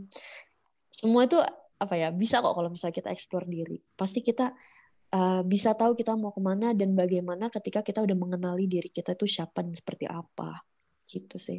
Jadi kenalin diri kita dulu. Jadi mungkin kalau buat introvert itu kekhawatirannya ketika bertemu orang merasa apa ya kayak awkward gitu ya mungkin ya Den ya kalau buat seseorang introvert. Atau mungkin kayak dia itu membentengi dirinya tuh dengan perasaan-perasaan atau kayak prasangka-prasangka gitu yang sebenarnya belum tentu benar gitu kan. Kadang-kadang ih nanti orangnya kayak nggak suka deh sama gue. Kayaknya gue nggak bisa deh ngomong sama dia kayak nggak bakal nyambung deh gitu. Itu sebenarnya itu ya kalau introvert ya. Iya, perasaan-perasaan gitu dan perasaan-prasangka itu sebenarnya harus di kita tepis gitu kan. Karena belum tentu benar gitu. Iya, jadi iya, kita memang iya. harus beranikan diri dan kayak Dena gitu ya cari-cari lewat FM Iya, tadi. udah bener. sampai akhirnya ketemu gitu. Aku sudah fasih tadi latihan. Udah fasih oke. Ya. ya jadi sama gitu. Kayak misalnya kita orang yang nggak nyaman bertatap muka tapi mungkin secara lisan atau secara tulisan kita lebih nyaman gitu. Nah berarti kan kita caranya carinya teman itu lewat apa? Misalnya lewat sosial media yaitu apa salah satunya kumpul di Yuk Ngaji misalnya komunitas gitu kan di situ kan banyak teman-teman yang sesama muslimah yang sama-sama hijrah juga gitu kan yang sama-sama bareng-bareng dan rata-rata ngerasain hal yang sama juga gitu. Jadi persis kayak yang Shebi bilang juga tadi. Jadi cari temen yang memang itu setipe dan kemudian backgroundnya mungkin ya sama-sama gitu lah ya. Jadi benar-benar bisa saling nguatin, bisa saling bertukar cerita. Kalau ada perasaan-perasaan yang gak enak gak enak gitu ya, atau misalnya futur atau gimana itu bisa saling ngetin gitu kan. Mm-hmm. Jadi intinya sih sebenarnya harus rajin datang kajian gitu ya. Wih, benar-benar ngaji betul, lah ya. Betul betul. Ngaji, Kadang tuh ngaji. orang introvert tuh ngerasa gue aneh ya nggak bisa ngobrol sama orang gitu. Itu nggak kayak gitu. Cuman kita belum membiasakan dan belum ketemu teman-teman yang sejalan aja kali gitu. Betul betul. Ya dan juga kita kayak harus bisa menempatkan diri gitu loh. Kita ya. tuh lagi di mana sih? Kita harus bersikap seperti apa? Mungkin bijak ya. bersikap kalian. Betul betul. Oke, Selanjutnya kita coba dari Zoom lagi ya teman-teman yang sudah raise hand. Di sini ada Fatin Hamamah. Ustadz boleh di unmute. Assalamualaikum warahmatullahi wabarakatuh, Kak Dinda. Waalaikumsalam. Waalaikumsalam warahmatullahi wabarakatuh. Fatin, silakan. Mau, apa ya? Mau nanya apa apa ya? Tapi nggak tentang pernikahan sih. Jadi gini, aku kan alhamdulillah kedengeran nggak suaraku kak? Kedengeran, aman. Oh ya, oke. Okay. Jadi uh, alhamdulillah kan emang uh, dibilang hijrah karena kan emang aku baru bang apa uh, hijrah itu 2000 ingetnya 2013 akhir lah ya. Terus baru uh, hijrah gara-gara sakit sih, gara-gara sakit. Nah, tapi pas semakin ke sini aku kan juga ikut fast tapi fast yang ibu-ibu kebetulan waktu itu diajakinnya fast di Bintaro terus semakin ke sini aku malah kayak kurang kurang aware sama teman-teman aku yang kayak teman-teman kampus dulu dan kemarin aku uh, baru dapat mengetahui satu kabar uh, kecolongan nih aku. Uh, ada salah satu uh, ya teman aku pernah deket lah. Anak ini udah jauh uh, udah pindah ke luar kota. Tiba-tiba dia murtad. Dan itu aku sumpah kayak hilang. Kok bisa? Aku sampai nangis kemarin kepikiran gitu. Nah ada jadi merinding sendiri aku ya gimana ya uh, kan kalau Dena sama Shebi nih alhamdulillah sekarang uh, sebagai influencer uh, pernah nggak ada dalam kondisi seperti itu? Salah satu temannya mungkin yang hilang hilang hilang arah gitu. Dan aku nih e, bingung mau menggapai dianya itu kayak gimana. Karena kan secara kontak udah cuma by DM aja mau ngasih tak mau ngajakin lagi tuh aku mau memulai per, e, pertanyaan kamu emang keluar dari Islam tuh kayak takut gitu takut tersinggung gitu karena aku nggak sebenarnya nggak terlalu tahu latar belakang kehidupan dia gimana. Padahal uh, waktu dia pindah ke kota itu sempat nikopan apa bercadar kayak gitu tahu dia pindah agama tuh aku stres sendiri ngedengar apa ngedengar berita terbarunya itu gitu. Boleh Kak Dinda juga boleh uh, jawabin deh, tanggepin gimana? Gitu aja sih Kak. Aduh, Afwan okay, ini okay. aku jadi merinding sendiri. ya, udah gitu aja. Makasih. Assalamualaikum warahmatullahi wabarakatuh. Waalaikumsalam warahmatullah. Warahmatullahi wabarakatuh. Silakan Dena dulu atau Shebi dulu boleh untuk menanggapi pertanyaannya okay. Mbak. Iya. Jadi gini aku juga sebenarnya pernah merasakan itu sih. Dan case-nya sama, tapi alhamdulillahnya nggak sampai murtad. Cuman mungkin apa ya lumayan mengagetkan karena mungkin dari istilahnya bercadar, ngafal gitu. Jadi maaf ya teman-teman pakai hot pants atau pakai pakaian yang ketat, seksi dan terbuka gitu. Itu lumayan mengagetkan karena mungkin dulunya kita sama-sama punya kedekatan emosional. Kita sama-sama, kita dekat lah kita sebagai teman. Dan waktu itu aku juga segalau Kak Fatin sih, galau banget. Itu nangis sampai, ya Allah gagal banget gue jadi teman gitu rasanya.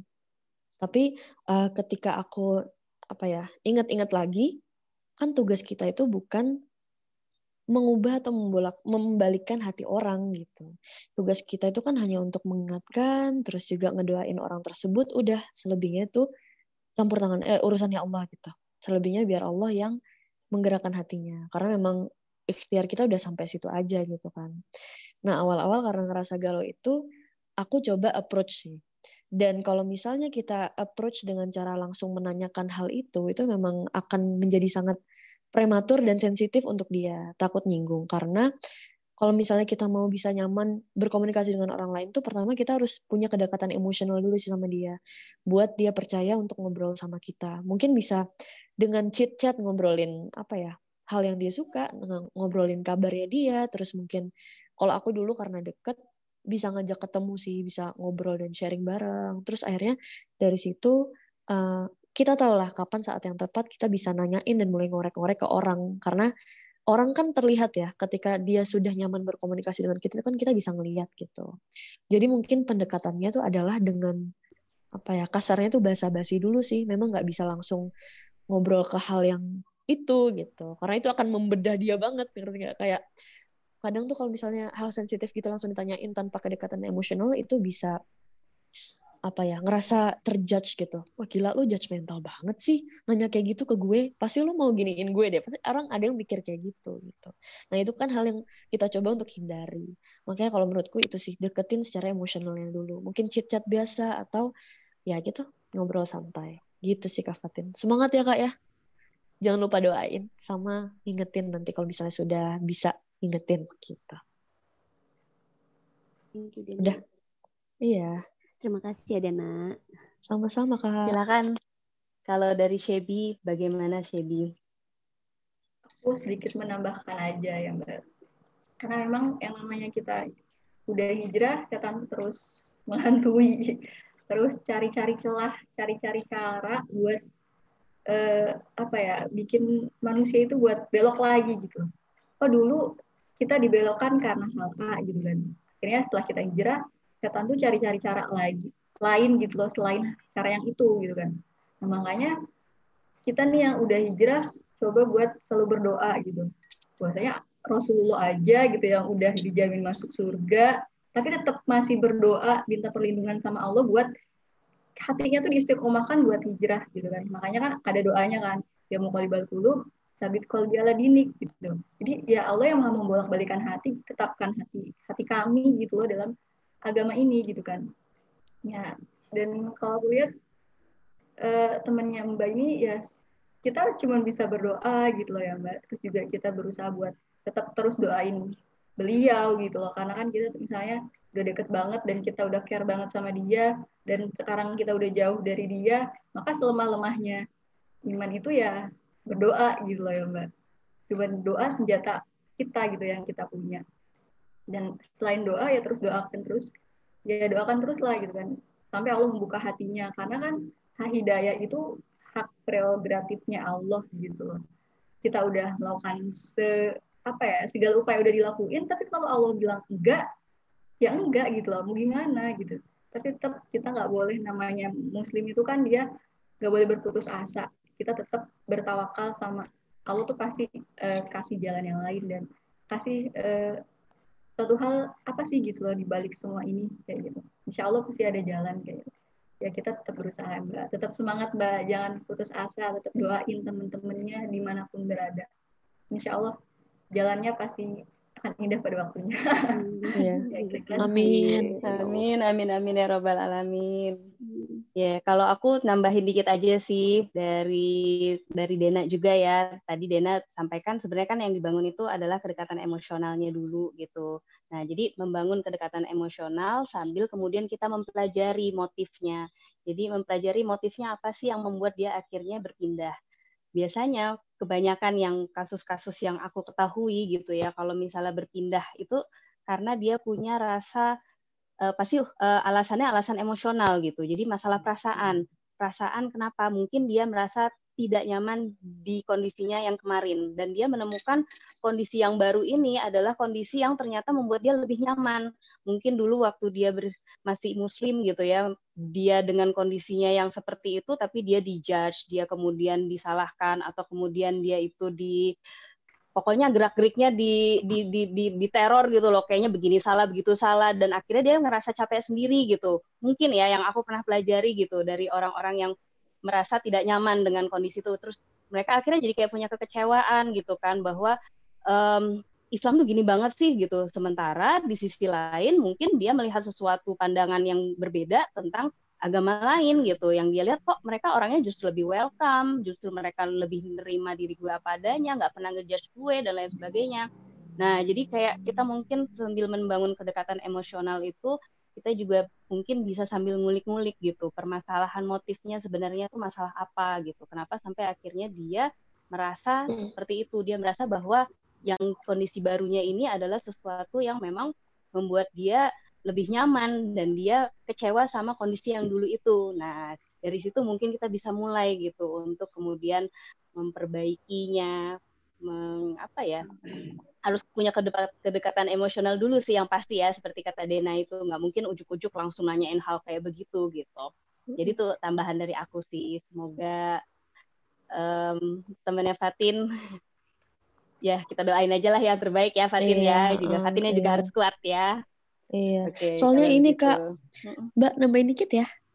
Oke, oke. Okay. Jadi uh, berdakwah itu memang seni menyentuh hati seseorang. Maka kita memang harus mengenali orang tersebut tuh bagaimana. Gak bisa asal.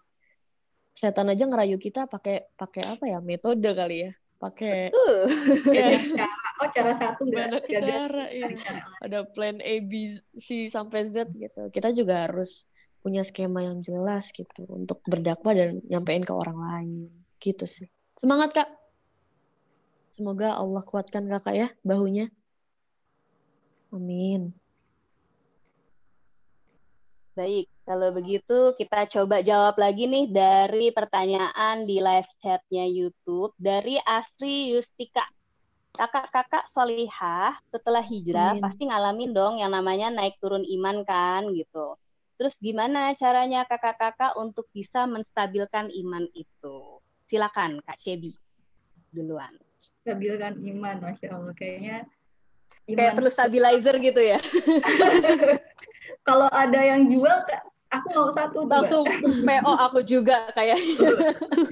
banget, Butuh gitu, banget gitu ya. Butuh banget buat semua orang. Permasalahan semua sih. Semua mm -hmm, orang ya ya karena nggak mungkin loh ada orang yang dia setelah hijrah terus dia nggak pernah melakukan kesalahan akhirnya dia jadi orang yang suci gitu kan kayaknya enggak deh gitu kan tadi kan kita udah bahas itu ya. E, manusia itu memang fitrahnya berbuat salah gitu loh teman-teman. Makanya kalau kita nggak berbuat salah di sini ya bukan aneh juga sih. Maksudnya kayak masa sih gitu loh dia nggak pernah buat salah gitu kan. Padahal kalau misalnya yang nggak pernah buat salah itu siapa sih? Malaikat gitu loh. Tempatnya di di surga. Sedangkan kita di bumi yang memang Allah tahu manusia itu akan berbuat salah gitu kalau makanya Allah suka sama orang-orang yang menciptakan diri yang baru taubat kayak gitu nah makanya e, gimana nih kalau iman kita naik turun? Nah yang harus diperbaiki adalah cari lingkungan-lingkungan gitu. Cari bagaimana sih kiat-kiat buat istiqomah itu seperti apa gitu kan. Oh kita harus berdoa sama Allah gitu. Lalu kita harus berkumpul sama orang-orang yang baik gitu. Lalu juga kita eh, ada tiga cara gitu loh teman-teman. Yang pertama itu kita akidahnya gitu akidah kita harus kuat. Kenapa sih gitu loh? Kita harus berhijrah kita harus punya strong way-nya gitu alasan buat kita tuh buat hijrah tuh apa gitu dan cari alasan yang benar-benar gue harus berhijrah misalnya kayak aku nih alasan aku buat hijrah dulu gitu loh pengen masuk surga juga gitu pengen ketemu sama ayah Nah, itulah strong way aku buat hijrah dan aku akhirnya memutuskan buat oke, okay, totality aku hijrah kayak gitu. Nah, itu yang pertama kita harus punya strong way-nya gitu. Kenapa kita harus hijrah?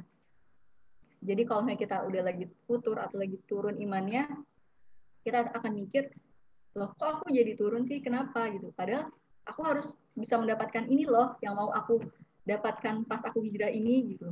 Nah dari situlah kita akan uh, flashback lagi kenapa kita harus tetap dalam keimanan kita gitu loh. Dan yang kedua itu ukuah gitu.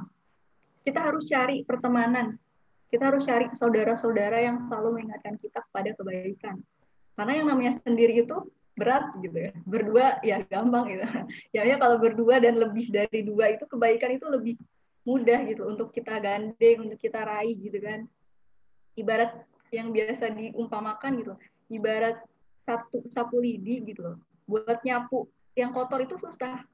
Tapi kalau sapu lidinya itu banyak, kalau dia disatukan dalam sebuah misalnya kelompok-kelompok, maka akan lebih mudah buat menyapu atau buat membersihkan yang kotornya itu gitu. Nah, makanya kita harus punya saudara-saudara dalam kebaikan tadi gitu. Kita harus cari yang mana gitu ya. Setelah itu barulah kalau ke tingkat yang lebih tinggi lagi gitu harus ada syariat yang mengatur kita gitu. Yang akhirnya kalau kita melakukan A, kita akan dapat e, misalnya kebaikan kita dapat reward. Kalau kita melakukan kesalahan, kita dapat punishment gitu kan. Nah, makanya kita harus kembali tadi gitu untuk hijrah untuk istiqomah gitu kan dalam ketaatan itu kita harus melihat strong way kita dan kita harus punya lingkungan yang mendukung dan kita harus tahu harus tahu gitu bahwasanya ada syariat yang mengatur kenapa kita harus melakukan ini dan itu gitu kan. Makanya kalau kita lagi futur ya udah ingat lagi ke sana gitu. Kembali ke alasan kita tadi sih mbak seperti itu. Oke Dena ada yang mau ditambahin Dena Iya, jadi mantap banget bener kata Shebi. Uh, apa strong way tadi yang kata Shebi ya. Mungkin istilah lainnya indikator terkuat kali ya kita yang mendorong kita untuk hijrah gitu. Strong way-nya itu apa sehingga kita bisa mencapai uh, apa namanya keistiqomahan tersebut. Kalau dari aku sih uh, sependapat sama maksudnya sama kayak Shebi cuman pengen tambahin aja mungkin dari pertama memang tadi kan visi yang kuat kita harus sadar diri kita ini siapa. Dan kalau kita sadar mungkin akan lebih uh, kuat gitu diterpa dari mana pun tuh. Kita yakin kita tuh siapa kita tahu gitu. Nggak nggak nggak terombang ambing gitu mungkin. Yang kedua mungkin indikator yang paling paling paling menentukan tuh adalah memang circle ya. Karena dari situ kayak kata Shebi tadi kalau sendirian kita pasti tumbang tapi kalau berjamaah kita pasti kuat karena memang muslim itu ditakdirkan untuk eh bukan ditakdirkan di apa ya di dihimbau untuk berjamaah. Sholat aja kita berjamaah gitu kan. Uh-uh. dihimbau untuk berjamaah.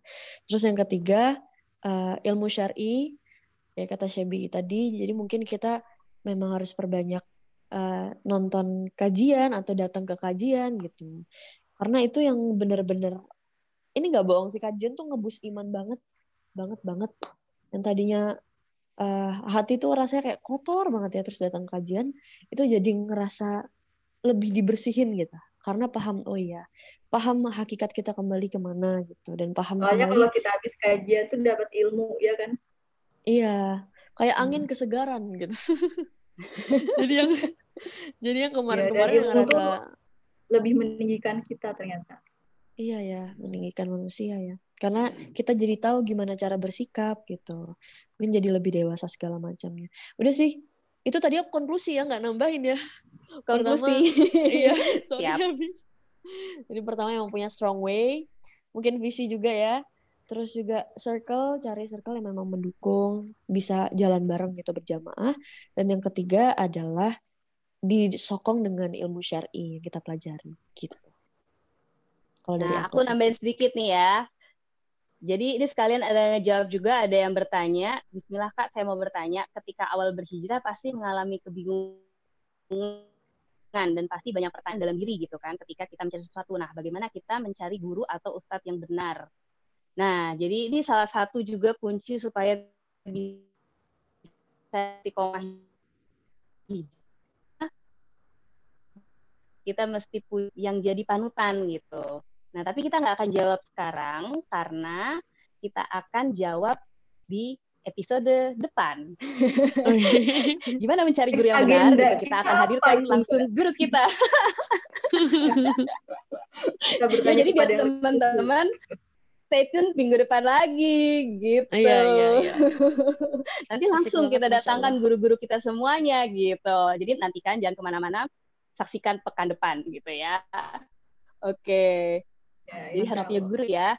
Nah sekarang terakhir nih ya karena udah jam 21.25 insya Allah kita akan selesaikan sebentar lagi jadi uh, terakhir kita akan coba langsung tiga pertanyaan sekaligus ya dari teman-teman jadi teman-teman yang nanti di unmute silakan bertanya tapi pertanyaannya satu saja dan singkat kalau bisa oke okay? di sini ada Dina Febiola lalu ada Aziza Firda dan ada Fadilah Nurlita Silakan. Ya, Assalamualaikum warahmatullahi wabarakatuh. Kedengeran kan? Waalaikumsalam warahmatullahi wabarakatuh. Dengar ya. aman. Ya, kedengeran. Uh, saya mau tanya dalam proses berhijrah kan pasti uh, uh, kalau misalnya orang-orang baru nih kadang susah gitu untuk cari tempat ngaji yang benar-benar bisa belajar Islam yang benar-benar apa ya belajar Islamnya itu memang benar-benar dari akarnya gitu. Karena banyak banget uh, teman-teman saya walaupun hijrah walaupun penampilannya doang syari tapi masih liberal gitu pemikirannya mbak. Nah, itu gimana ya? Supaya bisa dapat tempat ngaji yang benar-benar sesuai sama syariat-syariat Islam. Itu aja. Oke okay, terima kasih. Pertanyaan pertama. Silakan selanjutnya pertanyaan kedua Assalamualaikum warahmatullahi wabarakatuh. Waalaikumsalam warahmatullahi wabarakatuh. Uh, saya mau nanya, kan saya dari uh, keluarga yang berhijrah. Nah, saya sendiri yang masih berhijrah itu tuh suka ke bawah arus pergaulan teman-teman yang masih nggak benar. Nah, gimana ya cara biar kita bisa istiqomah sama mm, bisa kalau bisa bisa ikutan ajakin temen untuk hijrah gitu kak makasih assalamualaikum Waalaikumsalam warahmatullahi wabarakatuh. Baik, yang terakhir silakan. Uh, Assalamualaikum warahmatullahi wabarakatuh. Waalaikumsalam warahmatullahi uh, Untuk Kadena dan Kak Shebi, kalau boleh balik ke belakang sebelum kalian berhijrah dan menemukan pasangan halal saat ini, apakah kalian dulu pernah merasakan yang namanya berpacaran? Dan bagaimana tips untuk remaja-remaja uh, di zaman sekarang ini yang bisa bilang zaman serba modern dalam dalam menghindari zina, entah zina dalam pacaran atau zina mata di media sosial. Terima kasih. Mantap pertanyaannya. Silakan Kak Dena dan Kak Cebi mungkin bisa di bisa dijawab langsung dari pertanyaan terakhir dulu deh itu. uh. Gimana Bi? Mukanya udah senyum aja Cebi. Sok Dena tuh dijawab. Oh, Oke. Okay. Jadi, uh, kalau tapi kalau nggak mau dijawab juga nggak apa-apa sih sebenarnya. gitu ya. Untuk ringkesnya aja kali ya. Pacaran langsung ke uh, udah, ringkasnya saja. Iya, iya. Udah pernah nyemplung sih zaman dulu ya, karena memang ya gitulah zaman dulu gitu. Nah, terus tips untuk menghindari itu sebenarnya kadang kita tuh yang bikin kita salah itu karena kita ngebawa ke perasaan doang gitu. Sementara ada logika yang harus diasupi juga kayak misalnya logika untuk nginget-nginget tujuan gitu. Kadang tuh perasaan kita untuk apa ya mungkin pengen pengen disayang segala macamnya itu itu apa ya mengalahkan semua pemikiran kita yang harus memfokuskan semua ini untuk ibadah gitu. Jadi tipsnya Gimana nih konklusinya? Mbak Dina deh konklusinya. Jadi konklusinya teman-teman, putus pacaran itu pasti bisa gitu loh. Buktinya kayak Dena gitu kan, akhirnya dulu sebagai aktivis pacaran, akhirnya kemudian sekarang bisa hijrah, bisa totalitas gitu kan, membangun rumah tangga dengan jalan yang halal gitu. Dan aku juga sih sebenarnya mantan aktivis pacaran juga eh, gitu. Iya. Dan lebih Kita satu alma mater ya, Mbak satu. Beda angkatan aja ya. Ya jadi intinya sebenarnya ya tentu saja kalau kita yang mungkin dulu aktivis pacaran kita cerita begini bukan kemudian untuk membuka aib atau kemudian gimana gimana ya. Tapi maksudnya kita cuma mau ngasih tahu aja bahwa ya memang pacaran itu bukan sesuatu yang benar untuk dilakukan. Dan kalau misalnya uh, teman-teman pengen tahu lebih lanjut gitu ya alasan-alasan dan kayak aku tuh ngerasa kayak dulu tuh aku pacaran dan aku ngerasa kayak gak bisa hidup kalau nggak pacaran gitu loh. Nah, tapi ketika akhirnya aku diajak sama Ustaz Felix untuk bikin buku udah putusin aja gitu ya. Dan di situ aku bener-bener ketemu semua jawaban yang akhirnya aku pikir kayak, ih ini buku kenapa baru akhirnya dibikin sekarang ya? Kenapa nggak pas dari zaman gue SMP? Supaya gue nggak jatuh tersesat ke dalam lubang yang benar-benar membuat ya itulah ya semuanya perasaan hancur, semuanya hancur gitu ya, dunia runtuh dan lain sebagainya. Benar-benar ngerasa rugi gitu loh sebagai dunia orang yang pernah pacaran gitu kan. Emang nggak ada untungnya gitu.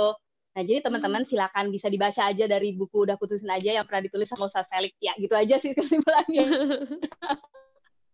Memang soft sellingnya keren ya. Silakan Sebi. Aduh. Aduh. Ya, memang lingkungan sih berpengaruh. Karena pas zaman saya juga dulu orang-orang tuh kalau di sekelas tuh dia nggak pacaran tuh kayak dinyinyirin gitu loh mbak. Ih, ngerasa kayak nggak keren gitu ya. Hmm, kok kamu nggak pacaran sih dan segala macam. Hmm, apa gimana? Jadi kita yang tadinya tuh sebenarnya nggak nggak nggak terhadap pacaran dan apa sih pacaran nggak ada gunanya gitu tapi karena lingkungan yang ngebawa kayak gitu mau gak mau gitu kan ikutan dan segala macem kayak gitu makanya memang kalau buat ngasih tahu ke teman-teman uh, anak-anak muda gitu loh yang memang lagi masaknya gitu loh yang lagi masanya pengen disayang di diperhatiin kayak gitu. Tayang, ya. tayang.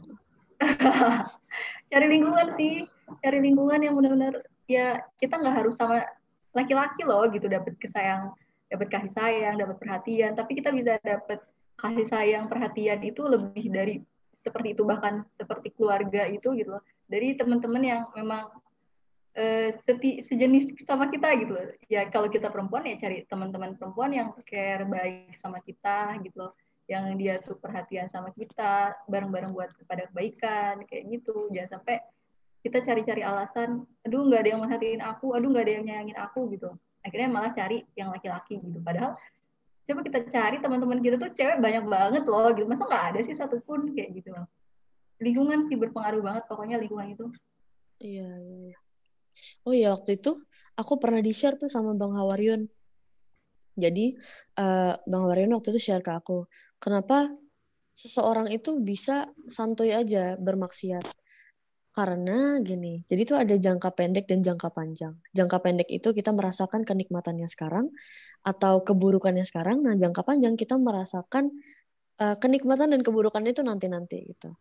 Nah, kenapa orang berani untuk maksiat? Karena mungkin visi mereka itu masih jangka pendek tujuan mereka masih jangka pendek mereka masih cari enaknya aja di saat itu gitu. Jadi mereka tidak memikirkan ke depannya seperti apa ketika mereka merasakan kesenangan sekarang yang sebenarnya itu dilarang oleh Allah. Nah kalau misalnya kita sudah menentukan visi yang lebih jauh misalnya visi panjang nih oh gue tahu. Kalau misalnya gue pacaran sekarang walaupun pacaran enak segala macam gue tahu nih depannya gue bakal nggak dapat ridhonya Allah gitu. Gue bakal mungkin masuk neraka gitu kan.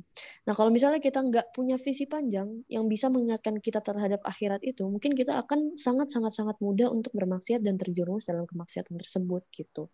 Jadi baiknya kita sebagai remaja muslimah atau muslimah sebagai muslim kita memang harus menetapkan uh, visi jangka panjang kita. Jadi supaya kenikmatan apa pun yang terjadi sekarang, yang jangka pendeknya, itu kita nggak melihat sebatas kenikmatan saat ini aja gitu. Tapi kita melihat ke depannya itu akan ke uh, perilaku eh perilaku action ini atau uh, hal yang akan kita lakukan ini itu akan membawa kita ke mana ke depannya gitu. Jadi mungkin kita set ke depannya itu gimana kita apa ya perpanjang visi kita.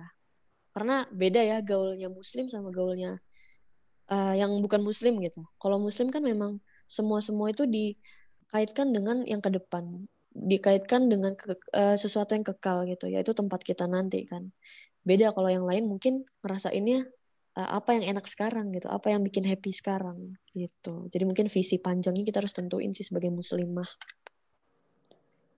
mantap gitu. bener banget itu tadi aku juga dulu ya itu tadi sih karena nggak punya visi gitu, nggak punya visi hidup. Jadi visinya pendek, cuma ngelihat teman-teman pacaran, ih juga pengen.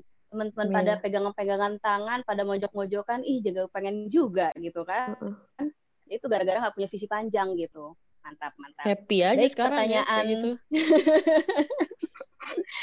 ya pertanyaan yang tadi ya gimana eh, caranya biar ngajakin temen buat hijrah gitu sama tadi gimana cara tempat ngaji yang benar cara nyari tempat ngaji yang benar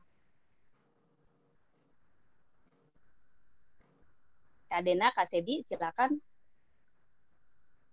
Kalau Ya. ngaji yang benar tuh kayaknya kita bahas minggu depan ya?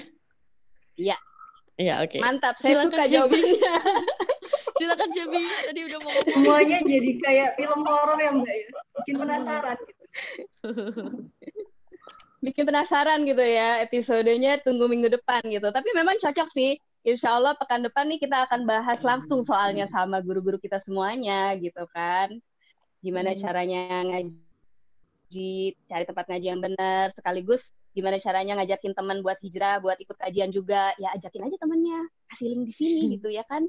Iya. Mantep gitu. Balik lagi kali ya ke pendekatan iya. emosional ya. Ini karena waktunya. Ya. Iya, ya silakan. Waktunya silakan, habis Dena. ya. Iya, maksudnya eh, mungkin menyentuh Ya boleh lah tambah-tambah dikit lah kalau Dena mau bil. Mm-mm. Mm-mm, Oke. mm-mm. Iya, mungkin dengan cara menyentuh hati teman dulu ketika mereka udah trust pasti untuk kita rangkul tuh akan lebih mudah gitu sih. Kalau untuk ngajak teman hijrah. Ya benar benar benar benar. Karena memang kalau belum deket kan itu tadi ya kayak siapa lu gitu tiba-tiba Iya. ngubungin terus ngajakin gini-gini gitu jangan-jangan mau nawarin sesuatu nih di balik ini nih gitu. Heeh, heeh. Kalau aku sih curiganya gitu loh. Iya pasti curiga kalau aja belum gitu deket. ya. Padahal sebenarnya mungkin bisa jadi orang itu peras- eh, maksudnya baik gitu kan. Ya memang harus pendekatannya itu tadi ya. Jadi malam ini highlightnya itu adalah kata-katanya approach-nya itu tadi pendekatannya. Oke, Sebi gimana Sebi? Ada yang mau ditambahin? Cukup Mbak, cukup. Tadi Shelby mau Cukup ngomong ya, loh. berarti kita save. Oh mungkin dia sudah ngantuk mbak. sudah ngantuk, sudah malam gitu. Sudah malam. Ya, jadi eh, insya Allah ya pertanyaan-pertanyaan belum dijawab. Nanti kita masih punya sesi pekan-pekan berikutnya. Jadi teman-teman stay tune terus ya di live kita malam ini bersama Yuk Ngaji bersama teman-teman dari Sister of Yours alias saudarimu. Yoi. Nah, eh, sebelum kita tutup ke hari ini, live kita hari ini, mungkin dari Shebi sama dari Dena bisa kasih apa ya kata-kata atau penyemangat atau apa pun gitu ya yang meng- untuk menguatkan bahwa ya inilah momen teman-teman untuk hijrah sekarang. Mm-mm. Silakan dari Shebi dulu. Ya, Masya Allah teman-teman, gelora hijrah zaman sekarang itu udah tinggi banget. Jadi jangan sampai teman-teman melewatkan eh, apa ya gelombang hijrah yang begitu kerasa banget ini gitu dengan begitu saja gitu loh teman-teman. Karena udah banyak gerakan-gerakan buat kayak komunitas buat hijrah itu udah banyak banget. Tinggal teman-teman pilih deh gitu loh mau yang mana gitu. Mbak, jangan sampai kita terlena dengan dunia kita gitu loh, asik sendiri gitu kan. Akhirnya kita nggak melek dengan dunia yang sekarang ini lagi ngapain kayak gitu. Ya juga sampai kita eh, ya udah diem aja gitu loh. Nyaman sama zona nyaman kita gitu. Padahal memang apa ya? Kalau misalnya kita lihat sebuah akuarium gitu. Pernah nggak sih teman-teman lihat akuarium dan dia itu akuariumnya nggak pernah dibersihin, nggak pernah dikuras, akhirnya dia jadi keruh, jadi mengeluarkan bau yang busuk dan kita lihatnya aja udah ih apa sih? Jelek gitu kan jijik gitu. Apalagi buat ngedeketin itu nggak mau banget gitu loh. Nah itu akuarium yang nggak pernah diganti airnya akan jadi seperti itu kita aja deketinnya nggak mau gitu kan. Dan ada satu lagi akuarium yang dia itu sering dibersihin sering di pokoknya dirapihin gitu kan airnya selalu diganti gitu. Maka akan kelihatan bagus bersih gitu karena airnya sering diganti. Maka orang deketin pun mau gitu. Suka bahkan ngeliatin wah iya aku- akuariumnya bagus ya gitu. Aku suka nih sama akuariumnya dan segala macam misalnya. Nah itu adalah sebuah gambaran bahwasanya kita sebagai manusia adalah akuarium kehidupan, teman-teman. Kenapa? Tahu gak sih 70% ya? Ya nggak sih, Mbak? Kalau salah. 70% eh, dalam tubuh kita itu air. Ya jangan sampai air yang ada di sini gitu kan jadi buruk gitu kan gara-gara pola hidup kita yang nggak baik gitu kan atau pikiran-pikiran kita yang nggak benar terhadap sesuatu ataupun karena kita sendiri berpindah gitu kan layaknya se seperti air gitu kan kalau dia nggak di, di apa ya dipindah diganti gitu loh maka air itu akan keruh gitu jangan sampai kita sebagai akuarium kehidupan ini yang punya air lalu kita nggak berhijrah, kita nggak move on, padahal kita tahu nih manusia itu tempatnya berbuat salah, teman-teman. Maka kita harus ada keinginan buat hijrah, gitu kan. Cari uh, uh, apa ya komunitas yang cocok buat kita gitu loh, mana gitu. Ada yuk ngaji gitu, ada sip, pemuda hijrah, ada syamila misalnya, dan gerakan-gerakan hijrah buat anak muda tuh udah banyak banget, tinggal dipilih kita mau yang mana sih kayak gitu loh. Jadi jangan teman-teman jangan lewatin gelombang hijrah yang begitu luar biasa ini. Tetap semangat buat cari tahu tentang Islam karena apa ya ilmu Islam tuh nggak akan pernah ada habisnya gitu loh teman-teman. Akan selalu ada terus ilmu-ilmu yang kita belum pernah tahu ilmu itu ada sebenarnya. Jadi tetap semangat buat belajar. Bismillah, Allah mampukan insya Allah. Amin. Amin ya rabbal alamin. Mantap Bu Keren banget Sebi. Silakan, silakan Dena selanjutnya.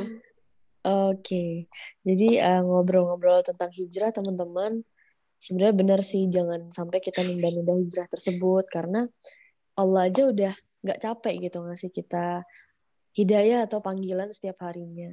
Kita kok tega banget gitu ngabain semuanya.